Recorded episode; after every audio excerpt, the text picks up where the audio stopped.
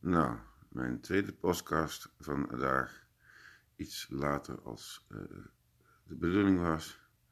Het onderwerp van vandaag gaat over uh, sociale participatie binnen de, het sociale domein, om daarmee de verantwoordelijkheid ten aanzien van de zorg uh, op je te nemen. Of in ieder geval, zoals het nu is, is het zo dat we binnen internationale afspraken hebben, met elkaar hebben afgesproken dat de, de, de gezondheidszorg in Nederland, eh, geestelijke gezondheidszorg en de medische gezondheidszorg, dus complementaire hulpverlening en de medische zorg, dat die beide onder de verantwoordelijkheid valt van de overheid, om daarbij in de ruimste zin van het woord te kunnen voorzien. Dus eigenlijk een overheid die zoveel mogelijk garandeert dat elke vorm van hulpverlening en elke vorm van herstel of genezing mogelijk is voor al zijn burgers in het land. En dat is iets wat Europa anders heeft. Dus het zijn tenminste Europese regels uh, voor kinderen en voor volwassenen. Die kent men en de rest van de wereld niet. Europa is daar uh, op zich ja, voor, vooraanstrevend in om te zeggen, we bieden dat voor al onze burgers. En de overheid staat daarvoor garant. En, het, de overheid, ja, die is uh, beperkt daarin.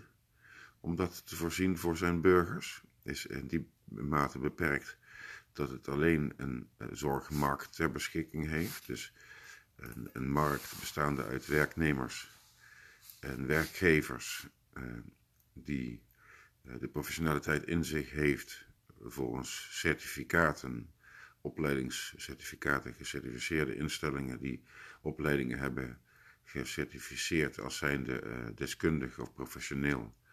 En die opleidingen eh, met die certificeringen uh, diploma's uitreiken die uiteindelijk titels veroorzaken. Dus iemand wordt dokter, doctoranders, universitair opgeleid op verschillende niveaus en kan zich daardoor een, een professionele titel aanmeten. En die professionele titel is binnen het sociaal domein eigenlijk een vervanging voor het, de term vertrouwen. Want in de zorg uh, ja, laat je toch een gedeelte van je intimiteit die je met een ander deelt. En die ander die, uh, die moet die intimiteit uh, natuurlijk beschermen. Voor jou een beschermende factor zijn. En die bescherming, dat vertrouwen, die professionaliteit, die wordt dan binnen zo'n certificaat gewaarborgd. En er is een tuchtrecht wat eraan gekoppeld is. Dus een hele wetgeving die gekoppeld is aan dat vertrouwen.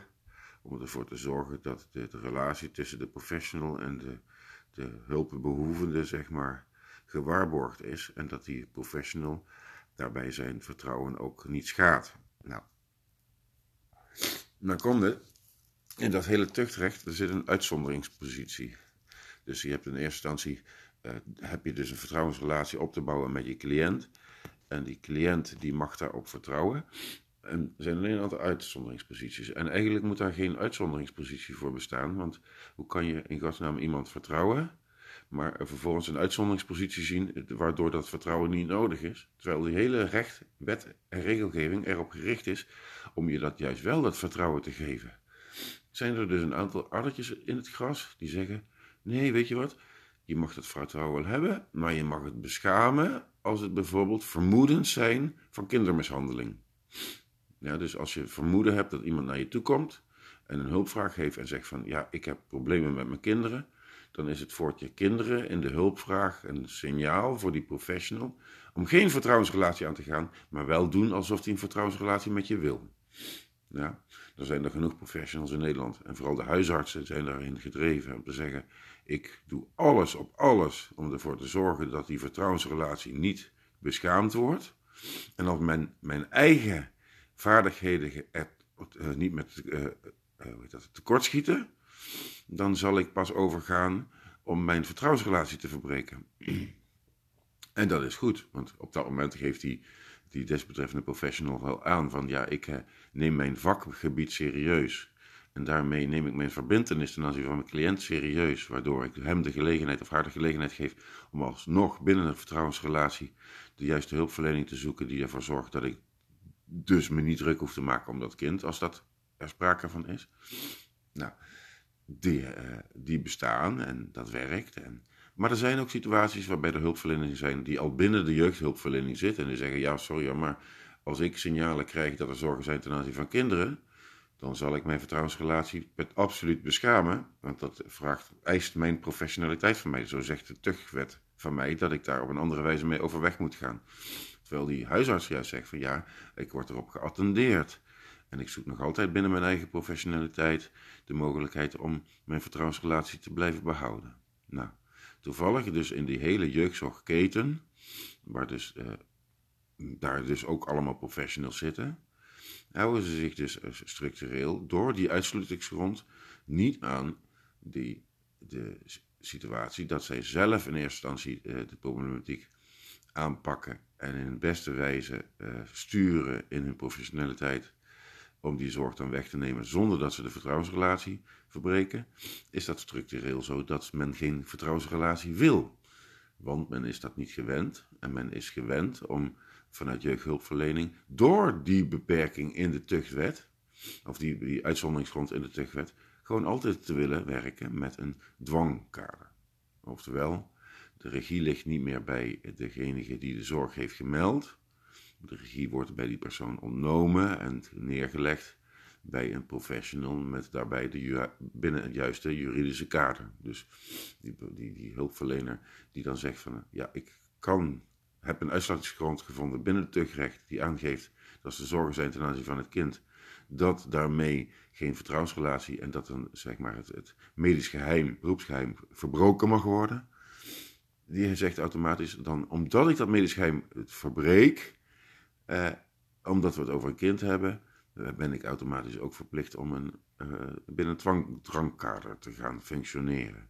En eigenlijk is het dus zo dat dus niet die ouder bepaalt of er een drangkader is, maar die hulpverlener bepaalt dat er een dwangkader is, aangezien die dus juridisch het vertrouwensrelatie met de cliënt heeft beschaamd door die uitzonderingsgrond. Nou, dat alles bij elkaar betekent eigenlijk dat al die jeugdhulpverleners in Nederland uh, structureel melden, structureel eisen dat de regie ten aanzien van jeugdhulpverlening niet meer onder ouders ligt en structureel onder een mandaat komt te liggen van een juridisch rechtspersoon binnen een gecertificeerde instelling die uh, wettelijk gezien daar toezicht op kan houden, maar ook geen enkele verantwoordelijkheid heeft als het misgaat. Dus die hulpverlener die zou zeggen van ja, ik wil die regie niet meer willen hebben bij ouders, want dan draag ik hem liever zelf. Dan heb ik in ieder geval voldaan aan het feit dat er een, risico is verbonden aan dat als er, als, als er zorgen zijn ten aanzien van kinderen, dan, dan heb ik dus die meldingsplicht, die kom ik na. En tegelijkertijd heb ik geen, verantwo geen verantwoording af te leggen naar de ouder over een vertrouwensrelatie. Uh, maar ik kan die regie niet op zichzelf nemen, want wordt op het moment dat het dan fout gaat, als hulpverlener weer aangesproken over het feit dat hij de regie voert. Dus de verantwoordelijkheid wordt van ouder weggenomen, maar die moet dan weer ergens neergelegd worden bij iemand die dat, die juridische positie aan kan. En er is er nog maar één instelling in Nederland die juridisch die uitzonderingspositie heeft om onschendbaar te zijn in het maken van beslissingen in jeugdhulpverleningstrajecten. En dat is een aangewezen gecertificeerde instelling. Dus een aangewezen gecertificeerde instelling is het enige ja, eh, persoon, juridisch persoon, die in staat is om de verantwoordelijkheid ten aanzien van kinderen op zich te nemen buiten ouders. Dat kunnen hulpverleners niet. En uh, ouders zijn er zeg maar door een dwangkader het ontnomen, die verantwoordelijkheid. Die is dan neergelegd bij een mandaat, een certificaat van de gecertificeerde instelling. Op basis van het uitspraak van een jeugdbeschermingsmaatregel. Dus eigenlijk is er een wettelijk kader gecreëerd omdat de beroepsmatige hulpverlener binnen zijn juridisch kader in het tuchtrecht het nodig acht om een melding te maken en daardoor geen vertrouwensrelatie met de ouder te hebben, maar zelf de verantwoordelijkheid ten aanzien van de hulpverlening niet op zich wilt nemen, omdat het dan daardoor juridisch kwetsbaar wordt en legt dan de verantwoordelijkheid neer bij een eh, bijzondere rechtspersoon, oftewel een gecertificeerde instelling die onschendbaar is als het gaat om beslissingen maken over kinderen. Van hen wordt verwacht dat ze ten alle tijde beslissingen maken die in het belang zijn van het kind. Maar ja, dat is iets wat door dat uitzonderlijke rechtspositie binnen de Nederlandse uh, uh, het, samenleving, dat er dus een institutioneel eh, orgaan, een deskundigheid bekend binnen het familierecht, waarbij dat familierecht zich niet bezighoudt met waarheidsvinding en met feiten, maar met, met zorgen. En die zorgen binnen het familierecht in eerste instantie gezegd is van dat hebben we binnen het familierecht geïntegreerd, want we hebben namelijk geen superieuren. We kunnen mensen zorgen naar elkaar laten melden en dan wordt er beslissing genomen op basis van die zorgen, zonder dat er een superieur persoon bij aanwezig is, want het familierecht kent geen superieuren. En door het introductie van dus die, die nieuwe rechtspersoon, die dat gecertificeerde instelling is, die hebben dan in één keer spreekrecht binnen het familierecht, maar ook een superieure positie binnen het familierecht. Nou, dat alles bij elkaar, als we het zo bekijken, is, hebben we dus een systeem ontwikkeld in Nederland, waarbij dus ouders die gezagvoer hebben over hun kinderen, en waarbij er vermoedens zijn dat die kinderen gevaar lopen of een ernstige bedreiging hebben binnen in ontwikkeling naar de toekomst toe, dat we op basis van vermoedens een ouder in het gezag kunnen ontzeggen en dat dat initiatief komt vanuit professionals, die dus geen onderdeel zijn van het sociaal domein. Geen vader of grootouder of tante of uh, iemand anders die belangrijk is voor het kind. Nee, een compleet vreemd individu met een, met een institutioneel professionaliteit en deskundigheid, superieur in het familierecht, waarbij je dus als, als ouder daar zit en je dat niet kunt weerspreken, want je bent in één keer niet meer afdoende intelligent in het familierecht. Je bent niet gelijkgesteld, nee,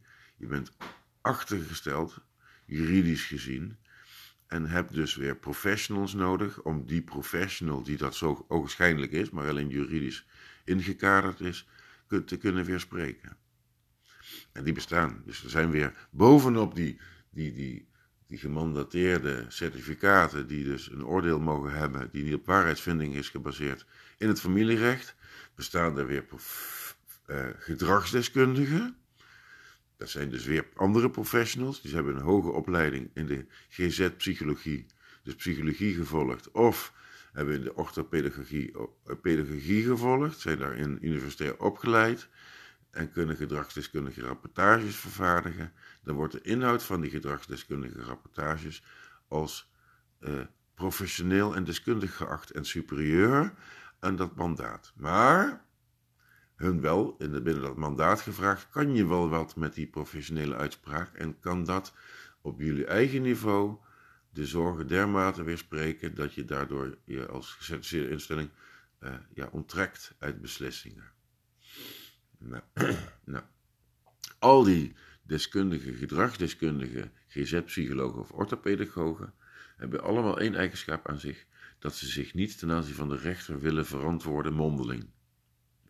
Maar ze, ze zijn wel bereid om hun bevindingen gedragsdeskundig te formuleren binnen gedragsdeskundige rapportages. En wellicht in die rapportages, waarbij ze dus ook geen garanties kunnen geven, want ook zij zijn geen toekomstvoorspellers, ja, dat ze daarin toch wel opmerkingen maken die op bepaalde wijze de, de, de, de zorgen die zijn geformuleerd, ja, bekritiseren, dat we het serieus moeten nemen om het, om het prudent naast ons te leggen. En dat betekent dat die zorg nog niet weggenomen is, maar het op dat moment afdoende aanleiding is om andere belangrijkere factoren naar voren te halen en daar inzichten in te verwerven. En wellicht daardoor op basis van vertrouwen andere zorgen, die meestal met persoonlijkheid te maken hebben, om die ja, minder belangrijk te gaan vinden. Maar uiteindelijk, alle zorgen die ooit geformuleerd zijn, al zijn ze uit de onderbuik, ja, blijven zorgen, die blijven bestaan. En die zullen dan alleen maar eh, weersproken zijn, omdat andere, uit, op basis van onderzoek gebleken is dat andere factoren belangrijker zijn voor een kind. En dat de zorgen ten aanzien waar men het over heeft, ja, van dermate weinig belangrijk meer zijn dat we daar geen aandacht meer aan moeten besteden. Nou, een hele rare structuur om te zeggen hoe gaan we om met zorgen in het sociaal domein. Dat we daar alleen maar eh, ten eerste instantie dat de verantwoordelijkheid neerleggen bij de overheid. De overheid legt de verantwoordelijkheid weer neer bij het bedrijfsleven, wat uh, uitgevoerd wordt onder regie van een gecertificeerde instelling met een speciale rechtelijke positie in de samenleving binnen het familierecht. Dat is raar. En vervolgens dat dat hele familierecht dan ook nog eens eist dat er weer superieure uitspraken komen die nog van een hoger niveau zijn. En die zijn daarna nog eens een keer door uh, masters of magistraden te overschrijden door magistrale gestrafdeskundige uitspraken. Maar er komt een moment dat er niemand meer is die een rapport kan weerspreken. Als alleen maar in de tijd, zeg maar. Hè? Ja. terwijl het eigenlijk erom gaat dat, dat, dat we. Uh, dat is een, dus een proces waarbij we eigenlijk sociaal wenselijk normen, normen implanteren. En eigenlijk stellen dat er een minimale, ja, sociaal wenselijk gedrag ontstaat, waar, we de, dat waar dus professionals op dat moment over gaan beslissen. Is dat, is dat nog sociaal wenselijk? Wat we willen ten aanzien van de situatie rondom een kind? Of praten we over het wegnemen van een ernstige bedreiging in de ontwikkeling van het kind? En eh, daar zit weer een hik in. Terwijl als, je dat, als we dat hele probleem ten aanzien van jeugdzorg binnen een sociaal domein door participatie zouden oplossen, dan is ten aanzien van het, het, de vrijheden geven aan een kind en een ouder in zo'n situatie natuurlijk 100% sociaal wenselijk. Maar wat is nou eigenlijk sociaal wenselijk? Ja, was sociaal wenselijk in de zin van een medewerker die een bepaalde kijk heeft op een traject in het jeugdzorg en daarop sociaal wenselijk hanteert? Of is dat een vastgelegde norm binnen de jeugdwet of binnen een certificeerde instelling waarmee men normen vastlegt wat voor hun sociaal wenselijk is. Dus is het voor de gezinsvrouw wenselijk of is het institutioneel een sociaal wenselijk gedrag wat men uit als het gaat om normen, en waarden ten aanzien van de jeugdhulp. Dan hebben we nog landelijke sociaal wenselijke gedraging. Ja, kan ook zijn dat het de rechter uh, binnen het, bij de president heeft vastgelegd wat voor hun sociaal wenselijke wegingen zijn als het gaat om de jeugdhulpverlening. Maar uiteindelijk zegt de wet heel duidelijk dat we moeten spreken over een ernstige bedreiging van de ontwikkeling van een kind. En op het moment dat dat van kracht is, dat er dan de regie ten aanzien van de hulpverlening moet liggen bij een gecertificeerde instelling. Maar op het moment dat die uitspraak er is, dan vervalt die ernstige bedreiging en dan wordt dat vervangen door een situatie waarbij ouders en kinderen weer bij elkaar komen en het sociaal wenselijk met elkaar wordt, de, die, dat sociaal construct wordt ingericht. En het sociaal wenselijke, dat is dus niet overeenkomstig de normen en waarden van de sociale omgeving waar de ouder en het kind binnen leven. Ja, dat is binnen uh, professionele kaders waarvan sociaal wenselijk wordt geacht dat bepaalde minimale normen worden gehanteerd die instellingsbreed of zelfs uh, gezinsvoogdsbreed genormeerd zijn. Uh, eerste instantie zal een gezinsvoogd dat het bepalen, sociaal wenselijke kaders. Dan zal uh, haar MBO, het multidisciplinair overleg, daar een inspraak over hebben. Ja, die, dus dan zit er een jurist die daar sociaal wenselijk over oordeelt. Dan zit er een gedragsdeskundige die heeft dan een diploma, zogenaamd, en uh, mandateer, geeft een gedragsdeskundige uitspraak namens de gecertificeerde instelling. Hoewel ze dat niet verplicht zijn, kunnen ze die professional wel inhuren. Dan zitten er nog overige uh, die in dat oordeel zitten, die ook een sociaal wenselijke uh, gedragingen hebben en uitingen doen. En uiteindelijk komt er een eindoordeel. En is dat wat voor de ouder sociaal wenselijk is en voor het kind sociaal wenselijk is, uh, niet of totaal niet belangrijk. Dus, dus de sociaal wenselijkheid van een traject en hoe de vormgeving is van een kind in een jeugdbeschermingsmaatregel, dat is sociaal wenselijk bepaald door de persoon of de instelling. En heeft zelfs uitloop als je daarbij de rechter daarbij betrekt wat voor de rechter sociaal wenselijk is. Het ligt allemaal buiten het vermogen van de ouder en het kind om te bepalen wat nou werkelijk sociaal wenselijk is. En dan, nou, allemaal dingen die ik allemaal bij elkaar genoemd heb. Nou, dat, hebben we, dat zijn allemaal problemen in het sociaal domein op dit moment dat instituten, instellingen, professionals, beroepsmatige medewerkers wat hebben op het sociaal domein en gezinnen uiteenhoudt of daar invloed op heeft. En dat gebaseerd is op normen en waarden die institutioneel of op basis van uh, onderbuikgevoelens van een professional zijn bepaald. of zelfs door de rechtbank is bepaald. Maar totaal niet door een opa, oma, tantes, ooms, vrienden, buren uh, en de ouders wordt bepaald. En dat is eigenlijk hetgene waarvan de overheid heeft gezegd van, goh, we zijn wel bezig om die, verantwoordelijkheid voor de gezondheidszorg op ons te nemen, zoals we dat met elkaar hebben afgesproken binnen het Europese Verdrag op de Rechten van de Mens en het Internationale Verdrag op de Rechten van het Kind. Maar tegelijkertijd onttrekken we mensen uit de normen en waarden van hun natuurlijke omgeving. We gaan normen en waarden hanteren, zoals professionals dat eisen in hun eigen juridische verantwoordelijkheid binnen jeugdbeschermingsmaatregelen. Dus ja, is dat nog wel, komt dat nog wel overeen met de werkelijkheid? En dat blijkt compleet niet met de werkelijkheid overeen te komen. Het is totaal afhankelijk van hoe een uh, instelling, hoe een medewerker een, een oordeel heeft over een bepaalde situatie, een bepaald gezin. En wordt de omgeving is daar niet in betrokken en wordt er ook niet bij betrokken. terwijl er eigenlijk gezegd heeft de overheid, weet je, dat moeten we nou eens aandacht aan besteden, want dat gaat niet goed. We moeten gezinnen, maar iedereen eigenlijk die hulpverlening nodig heeft binnen dat kader van de gezondheidszorg, dat we die zoveel mogelijk kunnen helpen binnen de normen en waarden van de cliënt. En, en als het om jeugdhulp gaat, dan is die cliënt de, de ouder en het kind, waarbij het prioriteit ligt bij het kind. En hebben we dus ons totaal niet gehouden aan de normen en waarden van de omgeving. Het is zelfs zo, in de jeugdhulp hebben we structuren aangelegd waarbij we die normen en waarden zoveel mogelijk voor jeugdhulpverlening moeten onthouden. Want gaan we normen en waarden impliceren, kan het afwijken ten opzichte van de normen en de waarden van de instelling of de desbetreffende medewerker. En ja, en kan dat als een zorg gezien worden, als die normen en waarden afwijken.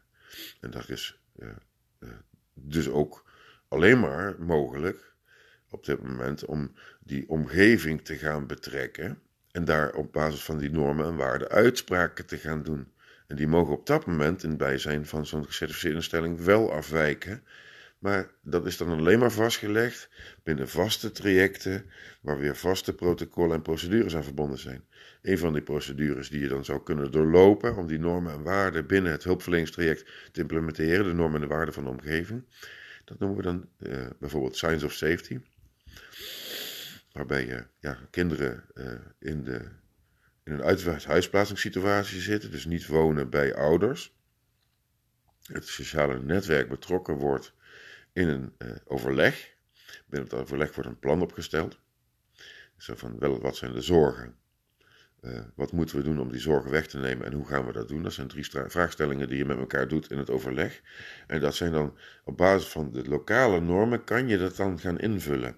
En kan nog altijd die gecertificeerde instelling daar een mening over geven. En die doet dat ook. Over het algemeen nemen ze de complete mening over en schrijven ze het rapportage zelf. Maar op zich heb je dus als omgeving de invloed, de mogelijkheid en de invloed om, om eh, op basis van je eh, lokale normen en waarden daar invloed op te hebben. Zodat eh, werkelijkheid die, eh, die uitzonderingsregel in tuchtrecht die jeugdbescherming heeft veroorzaakt, gelijkstelt aan de normen en waarden van de natuurlijke leefomgeving van een kind en zijn ouders. Nou, daarin heb je eh, op zich in, de, in participatie met de normen en waarden uit de omgeving, met een sociaal netwerk, heel veel vat, meer vat als eigenlijk een professional, op een traject waarbij kinderen en ouders ontzet zijn uit hun family life, oftewel een jeugdbeschermingsmaatregel is getroffen. Dat betekent dat groepen die sociale verantwoordelijkheden dragen rondom een gezin. En die verantwoordelijkheden ook nemen, eigenaarschap nemen over die verantwoordelijkheid ten aanzien van een zorg. Ook automatisch een professionaliteit hebben in hun uitspraken. Dus een sociaal netwerk rond iemand die zorgen heeft, mag dat sociale netwerk laten bijdragen. En de uitspraken van dat sociaal netwerk hebben een professionele invloed. Oftewel, als je met vijf man zegt: in een sociaal netwerk. We zijn betrokken geweest bij de hulpverlening van een kind en hebben in die hulpverlening van het kind geconstateerd dat de zorgen die zijn geuit weersproken zijn en dat er veiligheden zijn gekomen eh, eh, die we hebben aangenomen en waar op basis van humaan vertrouwen op te bouwen is, dan heeft die groep daarmee een professionele uitspraak gedaan die de uitspraak van een gecertificeerde instelling een individu met een certificaat kan weerspreken. Een hele mooie uitzonderingsregel die eigenlijk weer zegt van goh, hey, de eindverantwoordelijkheid ligt nu wel bij de overheid, maar de plicht ligt bij de burger om daar op die manier vat op te krijgen. Die professional die blijkt dus niet dermate superieur te zijn in de samenleving dat hij zelfs een groep mensen zou kunnen overstelpen met een uitspraak. Met zijn eigen normen en waarden. Nou, daar moeten we absoluut van gebruik gaan maken. En eh, nou, ik heb een sociëteit. Binnen de sociëteit hebben we uh, mensen die gezond zijn uh, en krachten bezetten. En we hebben mensen die zijn beperkt en die krachten bezitten. En uiteindelijk de gelegenheid hebben binnen de sociëteit om ook gezond te worden, ook al hebben ze beperkingen, aangezien er aandacht aan gegeven wordt. En de krachten die uit een beperking te putten zijn, optimaal benut worden. Ik noem het uh, het professionaliseren van je sociale netwerk, waarbij de normen en waarden gelijk zijn aan die die men verwacht in de omgeving van een persoon met hulpbehoeften. Netjes, geeft een beetje aan hoe ver we, hoe lang, hoe belangrijk het is binnen de zorg dat er sociale participatie is, omdat dus binnen juridische kaders professionals gebonden zijn aan een meldplicht, een zorgplicht naar een kind, waarbij de volwassene als letterlijk mishandeld kan worden, als uh, een gevaar gezien kan worden, uitgesloten kan worden, in zijn eigen identiteit beperkt kan worden, het, zijn intelligentie mag verliezen, omdat blijkt dat als je mensen langdurig en langdurig mishandelt, dat ze daardoor psychisch dermate belast worden dat ze zelfs een IQ kunnen dalen met maximaal 15 punten. Wat letterlijk er kan voor zorgen dat iemand die gezond is, door een jeugdbeschermingsmaatregel als ouder in de categorie zwakzinnige komt te vallen en daardoor uh, opvoedonbekwaam is. Terwijl zonder die belasting vanuit een dwangkader en de inzet en het vertrouwen en de normen te hanteren van de omgeving iemand die 15 IQ-punten niet verliest. En daardoor dus een, een, een persoon is die wel bekwaam is om voor kinderen te zorgen. Allerlei situaties die eigenlijk op te vangen zijn doordat we burgerparticipatie uh, toepassen binnen de zorg en daardoor eigenlijk voor de mensen die de zorg uh, krijgen, wederom daarin die zorg krijgen binnen de normen en waarden die zij nodig hebben om ook een identiteit te hebben, eigenwaarde te bezitten, waardering en erkenning te krijgen van de omgeving. En uh, zonder die burgerparticipatie eigenlijk in een, ja, noem het maar, een juridisch construct zijn gedwongen waarbij normen en waarden uh, tot compleet afwijken van de realiteit. Zij zich daartegen verdedigen, tot compleet van de wereld gaan, omdat die realiteit niet te vergelijken is met hun eigen realiteit. Hè. En, uh, er wordt gezegd, als twee ouders ruzie maken, bijvoorbeeld in een vechtscheiding, dan is het per definitie zo dat één ouder uitgesloten moet worden in de omgang, wat uiteindelijk weer resulteert in nog meer vechtscheiding. Snap je? Dus dan is dat het, als de beroepsmatige situatie, normen en waarden, die escaleert op dat moment en zorgt ervoor dat, dat de vechtscheiding alleen maar erger wordt. Terwijl als zo'n procedure door middel van burgerparticipatie eh, bijdrage wordt gedaan, dan wordt er rekening gehouden met normen en waarden die in de omgeving telt, die ook vertrouwen nodig hebben. En terwijl die, die, die professional in zijn juridisch construct dat vertrouwen niet heeft, klaar, punt, en daardoor beslissingen maakt die totaal inhumaan zijn. En dan, terwijl de, de sociale omgeving kan bijdragen om een humane inbreng te geven en zeggen van ja, maar dat kan niet. Ook al hebben ouders een uh, ruzie met elkaar, zijn ze beide liefdevol naar het kind en zullen het kind niet belasten tijdens de omgang. En dus moeten maar accepteren dat er een begeleide omgang bij is, waarbij het kind niet belast wordt met die vechtscheiding. En dan kan één ouder gedwongen worden om toch mee te werken en het kind af te geven aan de andere ouder, al is het onder begeleiding van een, uh, iemand die die norm dus uh, bepaalt op dat moment. Ja. We hebben burgerparticipatie in de zorg absoluut nodig, anders wordt het de zorg compleet humaan. Dat is het al, compleet humaan. Als ik zie hoeveel burgerparticipatie op dit moment is, dan zijn het vrijwilligers die ontwaardigd hun taak verrichten niet gewaardeerd worden en de professional die wordt in de bloemetjes gezet, terwijl die compleet geen humane normen hanteert wegens zijn beroepsmatige beperking en juridische beperking. In ieder geval. We zitten op 30 minuten. Ik ga het gesprek afronden. Een half uur geklets over hoe belangrijk is burgerparticipatie in de zorg. Ik hoop dat, er, dat we er wat van geleerd hebben. Uh, er is alles over te vinden op internet uh, over dat onderwerp. In ieder geval, dit stuk heeft in ieder geval de aandacht gekregen dat het nodig is. En morgen zien we weer, weer verder. Een prettige nacht, een goede morgen, een goede middag en een goede avond. Dit was Alex van de Sociëteit Eikelshoven Sociaal, die 30 minuten en 33 seconden aan één geluld heeft over de verantwoordelijkheid van de burger binnen de zorg. Dankjewel, welterusten. Goeiedag.